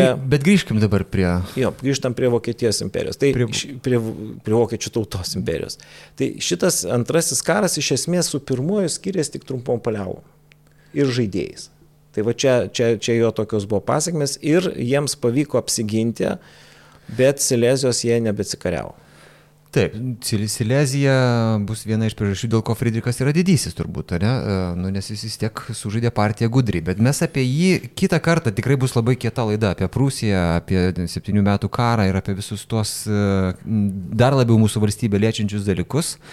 Žiūrėkit, profesoriu, mes pradėjom pasakojimą apie Šventosios Romos imperiją, kaip apie tokį keistą darinį, kuris toks yra, nu, tarsi e, neaiškus, tarsi stovi ne ant ko, bet kai atsitiko karas, kai atsitiko tikrai didelė, e, didelis iššūkis, jie sugebėjo atsilaikyti. Kaip jie e, tai padarė? Iš, kaip veikia imperatoriškoji kariuomenė, kuri sukariavo šitame kare? Nes man atrodo, kad karas ir yra tas pagrindinis išbandymas, kokia tavo valstybė yra, kaip tavo ta sistema veikia. Vat atsitiko didelis karas, jeigu tu esi e, stiprus, tu parodysi, ką gali, jeigu tu ne, tu pralaimėsi. Jie atsilaikė. Jo, šitas, Kas čia įvyko? Kokia? Šitas atsilaikimas yra pagrįstas iš tikrųjų gyventojų e, tam tikrom nuotaikom ir suinteresuotumu, kad situacija nesikeistų. Iškel, šituose žemėse didelę reikšmę turėjo tradicija ir kada Friedrichas, reiškia, jisai pradėjo vykdyti tokią, nu, tokią bjaurę politiką, nu, kur tiesiog siekia savo tikslų bet kokią kainą, tai jisai e, sukeldavo prieš save argumentus, kad jis elgėsi, jis uzurpatorius. Yra. Uzurpatorius. Ir čia tai tradiciniai dalykai jie veikia, atsiranda neapykanta ir žmonių motivacija kovoti. Tai šito kariuomenė, tarp kitko, Austrų kariuomenė ne, neblizgėjo, nors teritorija labai didelė ir atrodė, kad čia gali mobilizuoti labai daug žmonių, bet jie taip ir ne, nepavertė jos absoliutinę monarchiją ta absoliutizmo bruožas Austrijai gaus turbūt daugiau 18 amžiaus antros, antroje pusėje, e, kada jie sugeba jau bent sukurti tą brandolį, tokį stiprų Habsburgų brandolį, kuriuo jau jie remiasi. Tai austrijokai, čia toks žodis geras yra. O, o reiškia, o ten ta Vengrija atskirai ir ten dar jie taip ir paliko tos lokalinius parlamentus, kurie ten buvo, dėl to jiems labai sunku buvo na, įvykdyti kokias nors reformas. Prūsijos karalius įvedęs absoliutinį valdymą galėjo su to kraštu daryti iš esmės taip, kaip mane reikalinga. Ne tai, ką nori, bet tai, ką mane, kad yra reikalinga, kad sustiprint valstybę ir taip. jį ten rėmė šitoje vietoje. Tai Austrijai buvo be galo sunku šitos dalykus padaryti ir jinai visą laiką turėjo na, kažkokiu būdu įkalbinti, žaisti ir tai buvo jos silpnybės šalis, nors, šaltinis, nors jėgos buvo daug. Bet kita vertus, reiškia, ką jie galėdavo padaryti. Jeigu jiem pavykdavo mobilizuoti stipresnius darinius, tai Austrai turėjo daug nacionalinių darinių. Ir tie nacionaliniai dariniai, nu, pavyzdžiui, kokie nors taip vadinamieji grenceriai, ne? grenceriai pasieniečiai, čia būtų kruatai, jeigu taip visai konkrečiai, Tai tie kruatai, reiškia, jie čia buvo jų nacionaliniai dariniai, jie labai gerai kovėsi ir jie, reiškia, čia jų buvo tapatybės dalis, va šitą Austrijos kariuomenės padaliniai, kur, ar ten Vengrijos kariuomenės padaliniai, kuriuose, reiškia, jie išsaugo nacionalinius brožus. O čia toks labai ypatingas daiktas ir, ir, ir tai buvo jų tapatybės tam tikra dalis, nors nebuvo kaip tokios atskiros valstybės, reiškia, Kroatijos. Bet kruatai kaip tokie buvo ir paskui, reiškia, dar, kadangi Austrai jie visą laiką dar išlaiko ir tos titulus viduramžinius. Tai reiškia, dar yra ir tie titulai. Ir nors tie žmonės gal realiai nevaldo, bet kaip titulas egzistuoja. Net ten kruatų kokia ten, aš nežinau, ką ten karalystė tuo metu turbūt turėjo. Ten Taip. buvo tokių pavadinimų, reiškia. Tai tas pavadinimas, jisai sujungtas titulė, bet jis yra. Ir tada tie žmonės sako, taip, čia mūsų valdovas. Ir tada Habsburgai priversti vykdyti valstybei tokį nu, tolerantišką politiką kažkuria prasme. Jie turi žaisti, jie rodo, kad tai mūsų žemės, mes, jūs mūsų valdiniai, reiškia, mes esam čia imperatoriai, mes vat, Vengrijos karaliai dabar esam. Tai, bet tas yra kartais blogai, kada reikia su tokia sukariauti vienalytę Prūsiją. Taip. Ir čia jiems būdavo pakankamai sunku. Motivacijos nėra kariai. Iš esmės, uh Gerai, kare atsilaikė, bet iš esmės e, svarstyklės, kas vadovauja imperijai, pradėjo keistis dėl to, kad iki tol Habsburgai vadovavo, Habsburgai nešė tą pirmąją vėliavą, o dabar prūsai tarsi pasėmė kitą Ir galiausiai viskas baigsis tuo, kad, kad Prūsija nu, tiesiog e, sukurs konfederaciją Vokietijos žemė, kuriai vadovaus jau jie. Bet čia bus po daug metų. Reiškia, Bet prasideda tai, bet kažkada taip, va, nuo šito momento. Tai jeigu mes matom tą, reiškia, mūsų imperiją po Vesfalijos taikos, tai mes turim dabar naują iš esmės reiškinį, tai yra imperijos narių tarpusavio karas. Ir tas, tas karas tampa nuolatiniu tokiu daiktu. Pagrindiniai, galima sakyti, Europos karai, karai 18 amžiaus vidury yra viduje Vokiečių imperijos. Beje, 30 metų karas taip pat. Taip. Tai reiškia, imperija nebeturi to, to sulydančio kažkokio elemento, kuris leistų ją išlikti ir tada jau pasidaro aišku, kad jinai greičiausiai transformuosis į kažką tai naujo ir atsiranda naujai galios, galios centrai. Vienas iš jų yra Prūsija. Apie Prūsiją kalbėsim kitą kartą. O dabar reikia sudėti taškus uh, apie šiandien. Gal apie kariuomenę truputėlį reikėtų papasakoti, nes žmonės nu, kartais... Profesoriau, nel... tai kaipgi jūs be kariuomenės? Nuo pėstininkų ar nuo kavalerijos norėtumėt? Nu tai gal nuo kavalerijos. Nu kaipgi. Nors pėstininkai svarbesni tuo metu. A ne? Jo. Nu, bet kavalerija tokia vis, visada yra kavalerija, yra kavalerija. Gr grožis. Tai e, kalbant apie kavaleriją, tai kavalerijos pagrindą visą laiką sudaro uh, kilmingi žmonės. Iškia, čia yra kilmingųjų vieta. Ir nuo, nuo pat viduramžių buvo laikoma, kad kavalerijai tarnauti, ypatingai būti karininku, užimti aukštesnės pareigas, tai yra kiekvienam kilmingajam žmogui tinkamas užsiemimas ir jų čia yra daug. Ypatingai gvardijos daliniuose. Ir tai ne tik tai reiškia ten tie karininkai, bet ir, bet ir paprasti raiteliai. Kodėl taip yra? Todėl, kad, reiškia, e, todėl, kad tai yra visų pirma patogiau, nes pėstininkas daug vaikšto pėšęs, sunku yra. Man dėdė toks amžinatas, jis sakė, tu jau ką tai iki kavalerija, ten lengviau. Ten vaikščioti nereikia. Tai. Jo, jis ten kažkur tarnavo kavalerija. Tai, tai taip yra. Kitas dalykas yra tai, kad iš tikrųjų, na, e, labai dažnai ne, negaudavo valdiškus visus įrankius. Pats susipirkti turėdavai, turėdavai turėti pinigų E, rūbai graži, gražus, reiškia, brangus. Žirgas. Jo, žirgas. Nu tai žirgus ten dažnai pirkdavo gal visi kartu, kad vienodi būtų, bet, bet, bet kokiu atveju tai kainuoja. Ir, ir kita vertus, nu, su tokia uniforma tu turi balių, turi galėtinai su paradiniais rūbais. Nu, tai reiškia, ta, ta prasme. Balius irgi privalumas. Ir tai atitinka etosą, reiškia. Bajorijos etosas, kad jie yra kariai. Nes kitaip nesuprato, reiškia, vis dar eina tas viduramžių suvokimas, kad tai yra kariai. Tai aišku, ten paprasti, ten kokie dragūnai, tai jie būdavo ir, ir, ir nekilmingi žmonės, nu, bet vis tiek kilmingųjų procentas šiandien. Jeigu būdavo. tu nesi karys, tai tu toks netikras, ne, netikras bajoras tada. Ja. Netoks. Bet reiškia, reikalas tas, kad jeigu iki 16 amžiaus vidurio kavalerija visiškai viešpatavo mūšio laukose, 18 amžiuje jie akivaizdžiai jau yra nepagrindiniai, bet be jų irgi niekas nevyksta. Kodėl taip yra? Todėl, kad kavalerija brangus daiktas. Ir jeigu valstybė skaičiuoja pinigus, tai aišku, kad jiem geriau paimti septynis pėstininkus negu vieną raitelį. Nu, natūraliai, aiškiai. Nu, tai pagal maistą, pagal viską. Mhm. Bet be kavalerijos negali gero manevro padaryti. Tai reiškia, kavalerijos vis tiek reikia. Ir kavalерija yra trijų rušių.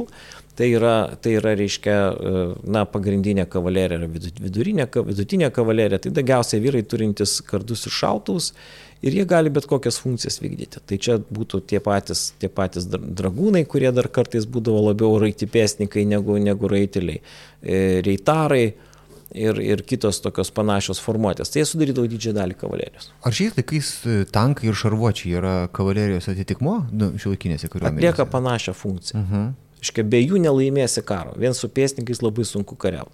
O raiteliai gali tą padaryti. Yra paskui sunkioji kavalerija, tai ten, kur mes matėm su tais šarvais Taip. Jie renesansą išgyvena 18 amžiuje, kadangi pėstininkai pradeda reikiuotis negiliom reikiuotėm, o tokiom plonom linijom, tai tada tie, tie reiškiasi, tie e, ten kirasyrai arba ten vadinami sunkieji kavaleriai, jo, panašiai, bet daugiausiai gal kirasyrai jau naudojama jie reiškia sutelktų smūgių smogė tą ploną liniją ir ją nuneša. Bet jie turi labai pataikyti, nes antrų smūgio nelabai padarys. Aiškiai, tai jie yra toksai, va tikrai tankai to, to, to meto.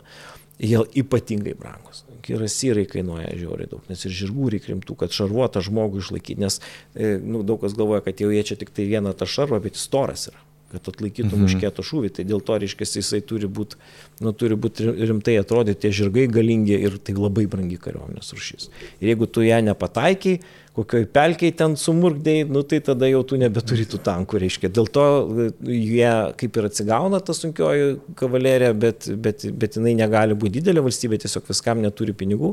Ir labai geras dalykas yra lengvoji kavalerija, tai Austrijos kariuomenė yra husarai tokie, husarai yra lengvoji kavalerija pas juos. E, ir, ir jie neturi jokių šarvų, bet jie tinka persekot kariuomeniai. Tai va. Na dabar kalbant apie, e, apie pėstininkus, tai pėstininkai yra, yra, aišku, kad karininkai sėdė ant žirgo visą laiką, kad galėtų judėti. Mūšio metu tik tai gal nulipanu, čia mes turim pėstininkus. Tai pėstininkai yra kelių rušių. Tai pirmiausia, matom iš dešinės tas, kur su balta uniforma tokia. Tai, tai čia yra fuzilierius. Fuzilierius yra pagrindinis karys 18 amžiui, kuris, reiškia, turi, e, kuris turi, kaip sakyti, jis turi šautuvą, ant kurio gali pritvirtinti durtuvą reikalų esant ir jisai va, toks yra universalus, jisai kaip seniau buvo pikinieriai ir muškietininkai, čia vienas žmogus yra ir su jėtim ir su šautuvu. E, ir sudaro pagrindinį tokį dalyką. Gali būti atskiri daliniai, kurie be durtuvų tik ugnies palaikymo. Tai, tai čia ir, irgi tokių, tokių gali būti. Dabar e, matom tas vidury, kur su tokia aukšta kepurė, čia yra grenadierius. Grenadieriai buvo pėstininkų tokia rinktinė dalis, patys aukščiausi vyrai, tam, kad jie dar aukštesnė atrodo, tas kepurės baises uždėdavo jiems. Nes mhm. tos kepurės tikslas vizualiai Baisės. padaryti aukštesnį. Kodėl tas reikalingas? Kodėl? Todėl, kad mūšis vyksta iš mažo atstumo. Šitie lygiavamžiai šautuvai, kuriuos jie turi, jie yra labai netikslus. Ir e, pataikyti gali, jie net nesitaikydavo, reiškia, jie mokindavosi labai greitai užtaisyti ir šaudyti salvėmis mhm. iš mažo atstumo. Tai realiai pagrindinis šūvis vykdavo iš 50 metrų maždaug. Tai reiškia, tu matai tos priešus ir paskui perėdavai durtuvų kautynės. O durtuvų kautynėse, kaip kokiam nors jėčių mūšyje, reiškia, labai svarbu štai ryškios spalvas, riekiančios tokios, kad baisiai atrodytų. Nes tie kareiviai atrodo iš tikrųjų baisus ir dar jie turi sudaryti vaizdą, kad jie yra ne, nebijo, kad jie yra labai tarpusavį stipriai, dėl to uniforma pabrėžiu vienodumą. Tie žmonės yra vizualiai padaromi panašiais. Juos mokindavo reikiuotės prie sienos, statydavo prie, prie lentos, reiškia, kad laikysena panaši būdavo. Uždėdavo perukus vienodus su kreida ir su kasytėm dar, reiškia, ten toks keistas daiktas. Dėl ko tas vyksta? Kodėl keistai taip tie kareiviai atrodo? Jie turi atrodyti kaip vienas ir viską mechaniškai daryti va taip ir tada yra geriausias dalykas. Nes pagrindinis, pagrindinius nuostolius kariuomenė patiria tada, kada bėga. Ir jeigu tu net laikai to smūgio, pradedi bėgti, tada tave ta lengvoji kavalerija į nugarą su jėtėmis ir išbado visus, reiškia, arba su kardais iškapoja. Tai tie pėstininkai yra, sudaro tą rikiuotės pagrindą, o kavalerija tą manevrinę dalį. Na ir yra dar labai svarbi artilerija. 18 amžiuje artilerija vaidina didžiulį vaidmenį, kadangi šaudyti reikia, reiškia, į į, į na, pakankamai mažu atstumu. Ir ta, jinai yra vėlgi kelių rušių, tai yra vadinamoji, e, vadinamoji, reiškia, lauko artilerija, tai yra pabūklai, kurie sustatomi mūšio metu į tam tikrą poziciją ir praktiškai nekeičia jos. Nu, tai mhm. čia reikia labai tinkamai, ten tvirtinimuose gali statyti, gali ant kalnų, kalnų kažkokių statyti bet taip pat yra ir vadinamieji ten trijų svarų arba mažesni pabūklai, kuriuos patys kareiviai stumia su, save, su savim. Tai čia nuo švedų karo laikų. Švedų, šis išradimas švedų. Jo, jie tą naudoja. Ir tuo metu dar, reiškia, tie patys pėstininkai reikalingi dar tvirtovė bultyse. Tvirtovių karai vis dar aktualūs, reiškia, vyksta, tai tada ten labai daug didelį vaidmenį atlieka ne tik tai artileristai, kurie 18 amžiuje jau yra profesionalai ir yra, yra kariuomenės dalis, nes dar 17 pradžioje būdavo cechai patrankininkų, ne, ten kažkokie tai miestiečiai iš esmės šaudavo. Tai čia jau yra kariuomenės rušis su, su reikalingais ženklais, turi ir taip pat inžinierinė kariuomenė jau yra. Jau inžinierinių padaliniai jie yra, jie dažniausiai e, taikos metu turi karininkus ir tokius, tokius reiškia, nu kaip ir specialistus, jeigu taip galima pasakyti, apauginami yra kareiviais ir jie stato tiltus, įtvirtinimus stato ir visokius kitokius dalykus. Tai va tokios iš esmės e, kariuomenės rūšis yra. O kodėl spalvos reiškia, tai nėra nacionalinių spalvų. Tik švedų kariuomenė turi nacionalinės spalvas ir palaipsniui įgauna kai kurios kariuomenės, na, pavyzdžiui, prancūzų kariuomeniai balta spalva nusistovi, austrų kariuomeniai balta dažnai. Bet, pavyzdžiui, artileristai dažniausiai turi žalę spalvą arba kokie nors yra, na, yra ten tų dalinių daug. Yra, pavyzdžiui, pėstininkai, kurie gina artilerijos pabūklus. Nu, taip ir vadinasi, kad reiškia. Ir kokie jų padaliniai yra, tai yra pagrindinis vienetas turbūt jų kovinis yra batalionas, batalionas susideda iš keturių arba šešių kuopų, daugiausiai iš keturių. Ir, ir reiškia, tas, ta, tie batalionai sudaro taikos metu pulkus, o, o karo metu jie yra jungiami, reiškia, į tokius didesnius dalykus, į brigadas ir divizijas visas, reiškia, kada jau juos valdo. Bet tas batalionas yra tokia, nu... Tai kiek batalionai žmonių? Nu, batalioną apie 500 žmonių. Lietuvoje mažiau buvo, bet šiaip apie 500 maždaug žmonių, tai pulkas susidėdavo iš daugiau negu tūkstančių žmonių. Mhm. Tai administracinis vienetas gyvendavo pulkais visi, tas administracinis pulkininkas iš čia. O karo metu jau pagrindinės vienetas yra brigada arba divizija, nu, tai ta brigada galėjo siekti sakykime, kokius, kokius 4 tūkstančių žmonių arba ten 3,5, kaip ir šiandien panašiai Taip. yra, reiškia, o divizija jau jinai dažniausiai būdavo netgi ne nustatyto etato, o suformuojama, reiškia, e, suformuojama iš to, kas, kas ten papuola ir tos kombinacijos, o visas didelis kariuomenės dalinys buvo vadinamas korpusu. Tai bet korpusas 18 amžiuje nereiškia korpuso šiandieninio, kas yra labai daug kareivių. Bet jisai būdavo pagal, pagal paskirtį. Vat korpusas, ten vadas toksai reiškia, tai ten koks nors laud, kokio la, laudono, pavyzdžiui, korpusas. Ne, ir vat, jie juda tada iš kavalerijos, iš pėsninkų, iš artilerijos, tokia visos kariuomenės rušis turintis toks daiktas vienas, reiškia. Ir jisai gali jam būti pavestos atskiros, atskiros, reiškia, kažkokios tai užduotis. Tai tos kariuomenės, jos tokios yra profesionalios, kareivių paruošti reikia du metus maždaug, Ir aišku, e, problema iš tos kariuomenės yra tai, kad jinai ir taikos ir karo metu panašaus dydžio, tai yra problema, jeigu patiri nuostolius, neturi kaip pastatyti. Na tai ieškodavo jo tokių būdų, kaip čia būtų galima kažkokiu būdu tą rezervą tokį suformuoti, tai, tai būdavo, tai dar miestai turėjo karinės prievalės, kai kurias būdavo dar apmokina kokius valstiečius, kad jie, reiškia, irgi ten galėtų ką nors daryti. Bet e, Austrijos atveju jie stengiasi nekurti jokių naujų darinių, nes tas naujas darinys gali atsukti šautus prieš pačius Austrus.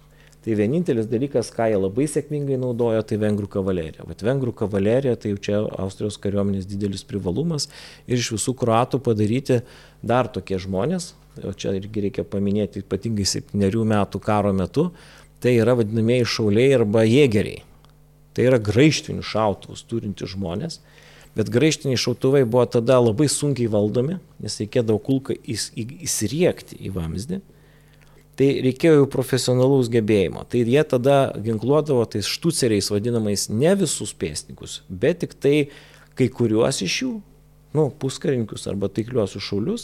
Ir va tie jėgerių padaliniai arba šaulių padaliniai, kaip Lietuvoje vadinasi, jie buvo va, tokiais daiktais apginkluojami. Ir jų pagrindinis taikinys, kariaujant su, su, su prūsais, nes Prūsija yra labai hierarchinė tvarka ir ten valdžia yra labai svarbi, šaudavo į karininkus ir puskarininkus. Į karininkus. Taip. Reiškia, nes jie išsiskirdavo uniformas, tai jie kaldavo ir žinodavo, kad tada visi pabėgs, nes kareiviai tol juda, kol juos kas nors prižiūri. Tai čia toks naujas kariavimo būdas, va, septyniarių metų karo metu jisai, jisai labai pasiteisino ir austrų kariuomenė, va šitie grenceriai arba štuceriais ginkluoti, reiškia tie kruatai, nu jie ten buvo jų slaptas ginklas padaręs Prūsijos kariuomenė labai didelę žalą nes tada karininkai labai nesaugiai jaučiasi ir, ir, ir čia buvo jų silpnoji vieta, nes Prūsijos armijoje nebuvo vidinės dvasios, buvo per prievartą, per muštrą, o žodis -hmm. muštas, nuo vokiško žodžio muster, kas yra pavyzdys. Iškia, tu daryt taip, kaip tau. Išmuštruot. Išmuštruot kaip kažkokiam tai kažkokiam standartui tave pritaiko. Taip, tas vokiška sistema, ne? Stan kažkoks, va, yra irgi stereotipas, kad vokiškai tai pagal sistemą, kurios Jo, tai bet šita savybė, šitas tas viskas darimas pagal nustatytas taisyklės yra labai jau vokiška kultūra. Jis turi regioninių brožų, bet iš principo jinai visiems jiems būdinga ir, ir, ir tie žmonės, kurie ten gyvena. Ir jau mūsų laikais, kuriuos mes dabar kalbam, jau tada būdinga. Jo, jo, ir, bet būtent 18 amžiai buvo labiausiai suformuotos šitos savybės. Nes jos pasiekė, čia dabar tas absoliutizmas kiekvienos tos atskiros valstybės yra skirtingas, bet jis iš esmės, aiškiai, jisai, jisai suformavo tą valdžios sukurtą idealų žmogų ir tas žmogus turi atitikti tam idealui. Jeigu tu esi, pavyzdžiui, ten koks paprastas valstietis, tai tavo reikalas yra knisti žemę, aprūpinti maistu, tuos, kurios atrenka į rekrūtus, tie tampa kareiviais, jie turi būti geri kareiviai, jeigu viskas gerai, ten karalius padėkos, reiškia. Yra tokių, kurie ištarnauja kariuomenį dešimtį metų. Taip. Dešimtį. Šiaip 20-18 metų ištarnaudavo, kad veteranų statusą gautų. Jeigu gauni veterano statusą, kaip kokioj senovės Romai, tada valstybė suranda būdų, ten tas gal vadinamasis dalinio šefas, ne, tokia labai svarbi pareigybė, jisai jau pasirūpindavo tais senais kareiviais. Taip jau laikoma buvo, kad taip reikia daryti. Ir e, tie, reiškia, kareiviai, jie e, neturėdavo tokio, tokios prievartos, kad idėjiškai čia labai kautis. Ta prasme, jų reikalas vykdyti nurodymus. Ir kada įvykdavo mūšiai, vad, pavyzdžiui, tie 18 amžiaus mūšiai. Tai priešo kareivių niekas nežudydavo, nes jie yra mašinos. Bet paimdavo į savo kariuomenę. Dabar mums dirbsi. Jo, ir viskas, ten dabar, jo, tai aišku, ten karininkam tai negaliojo, karininkai buvo duodavo, duodavo priesaiką ir turėdavo jos laikytis. Bet kada jisai patenka į nelaisvę, reiškia, jisai, jisai turėdavo teisę, pavyzdžiui, pereiti tarnauti kitam, kitam valdovui. Dažniausiai turėdavo atsiklausti prieš tai būsio valdo, ar gali pereiti. Ir yra tokių perėjusių labai daug žmonių. Nes tiesą sakant, karininkas, jam yra garbė labai svarbus, turi laikytis taisyklių. Bet jisai, jeigu tos taisyklės leidžia, jisai gali po kitą vėliavą stovėti. Jeigu jis ten gauna aukštesnį laipsnį, pavyzdžiui, arba ten dar kažkaip jisai labai daug, daug svarbesnis. Ir už tai tie, kurie gerai kariaudavo, jau turėjo savo vertę ir jų niekas nešaudydavo.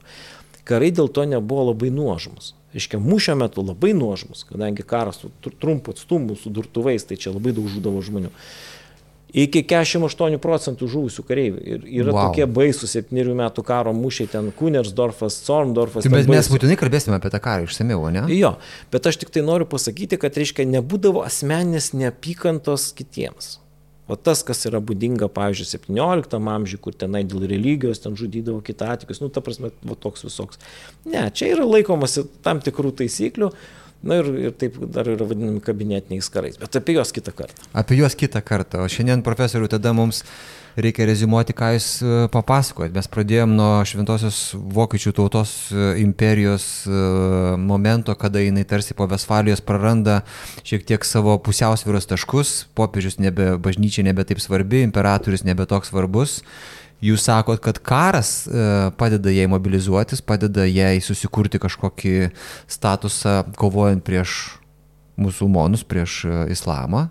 Tada vidinis karas taip pat e, mobilizuoja vidinės jėgas ir lygina šitą imperiją su ES. Ar mums dabar, man atrodo, kad dabartinė ES turi esminį skirtumą nuo tos imperijos. Jinai dabartinė ES stengiasi karo bet kokią kainą išvengti. Bet kokią kainą. Padaryti viską, kad kariauti tikrai nereikėtų. Nu, bet tai... gal tai nėra teisingas požiūris iš principo? Nu, mato, tie vidiniai karai, jie turi tokią teigiamą dalį. Kada jie viduje truputėlį kariauja, konkuruoja arba kariauja, tada jie išlaiko tokį aukštą susitelkimų lygį.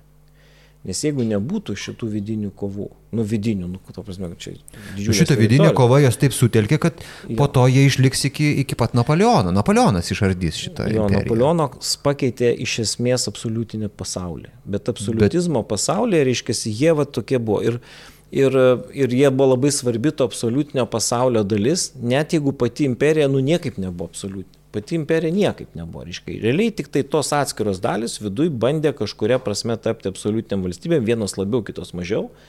Gal taip stipriausiai turbūt Prūsija nuėjo to keliu, reiškia tokio absoliutinės, o, o visos kitos jos reiškia, nes čia jau tas žemėlapis toks. Šitas žemėlapis yra po Napoleono, kai jo, Napoleonas jau... yra nugalimas, e, jo. Vokietija sukuria e, Šiaurės žemė federaciją, kurioje iš pradžių Austrai tarsi yra, o paskui nėra, tai vis dėlto tas vis tiek pasidalymas, toks susiskirstimas į dvi e, pusės, šiaurė ir pietus, jisai po to, po šimto metų vis tiek įvyko, nu, atsitiko. Ir šiandien tas yra. Jis ir šiandien yra. Yra, ne? pavyzdžiui, va, ta vakarų Vokietijos pusė, ta, kuri buvo, reiškia, nu, čia dabar kalbu apie sovietmetį, reiškia, nu, arba tą šaltojo karo laikotarpį. Tai jie visą laiką turi tokį suvokimą, kad ten viskas toj Vokietijoje buvo gerai, bet prūsai viską sugadino. Vat jie turi labai stiprų šitą jausmą ir jisai dar perina į tą vakarų rytų vokiečių, reiškia, tarpusavio priešpriešą. Ir aš esu buvęs ten prie, prie, prie Frankfurto, prie Maino tokiam kaime, kuris nu, nepasikeitęs nuo, nuo tų laikų, reiškia, pilis ant kalno, du, du kaimai šalia. Ir sako, o už to upelio buvo Prūsija. Tai suprask patys biuriausi žmonės. Iškia, jie yra tokie nelaisvi, nors ten visai vakarų Vokietija. Nu, viena iš tų salų ten, ten, ten šalia buvo. Iškia, o Austrija irgi yra rytai. Ji, pavyzdžiui, Austrija yra labai prorusiška tokia, labai tai tokia. Austrija pats pavadinimas reiškia nuo žodžio Österreich. Tai yra, nu, vokiškai. Rytų reikas. Rytų, rytų imperija. Jo, mhm. Tai Öster arba, o tai yra rytai. Tai yra, Austrija realiai yra rytų, nors tiesą sakant. Aš kažkaip neseniai įsiaiškinau, kad uh, viena yra ryčiau negu Praha. Taip. Viena yra arčiau e, mūsų negu Praga į rytus. Tai iš viso, jeigu mes kalbame apie Čekijos karalystės ir apie Bohemiją, tai čia yra pats centras visos imperijos, ta prasme, ten jokia ne provincija, ten yra, yra, yra pats centras. Ir, ir šiandien, pavyzdžiui, mums kažkaip atrodo, jinai, kadangi rytų blokui priklausė, tai kažkokia rytietiška. Ne, ne. Tai yra visiškai vakarai ir jų visuomeninė santvarka yra visiškai panašiai Vokiečių imperija. Jie tai yra imperijos centras. Jie ne... Bohemija. Už... Bohemija. Nors gyventojai yra slavai ta prasme, jiems tai nemeta klaidos, reiškia. Nes kas atsitiko 16 amžiuje. 16 amžiuje čekų, čekai labai geri kariai, 15 amžiuje mesgi žinom Janą Žišką ten ir visus tokius husitus. Bet jie pralaimėjo labai svarbu mūšį 30 metų karo pradžioje, reiškia Baltojo Prie kalno. Baltojo kalno. Jo, ir tada jie prarado savo, savo, savo tą, tą savo. Ko, kovinį mentalitetą. Ne tik kovinį, jie prarado bajoriją savo. Tiesiog jos, jos degradavo ir jų vietas pakeitė vokiškom pavardėm veikėjai. Tai ta Čekijo tokia nemailė vokiečiam jinai ir vat, yra dar nuo tų laikų likusi. Bet e, kaip, kaip kultūra, kaip miestų kultūra, tai jie labai yra imperijos žmonės. Nu, toks, mhm. toks miksas. Už tai mes kartais, kai nuvykstam į Čekiją, mums ten labai smagu. Ir vokiškai tvarkinga, ir slaviškai šilta. Reiškia, viskas, viskas viename.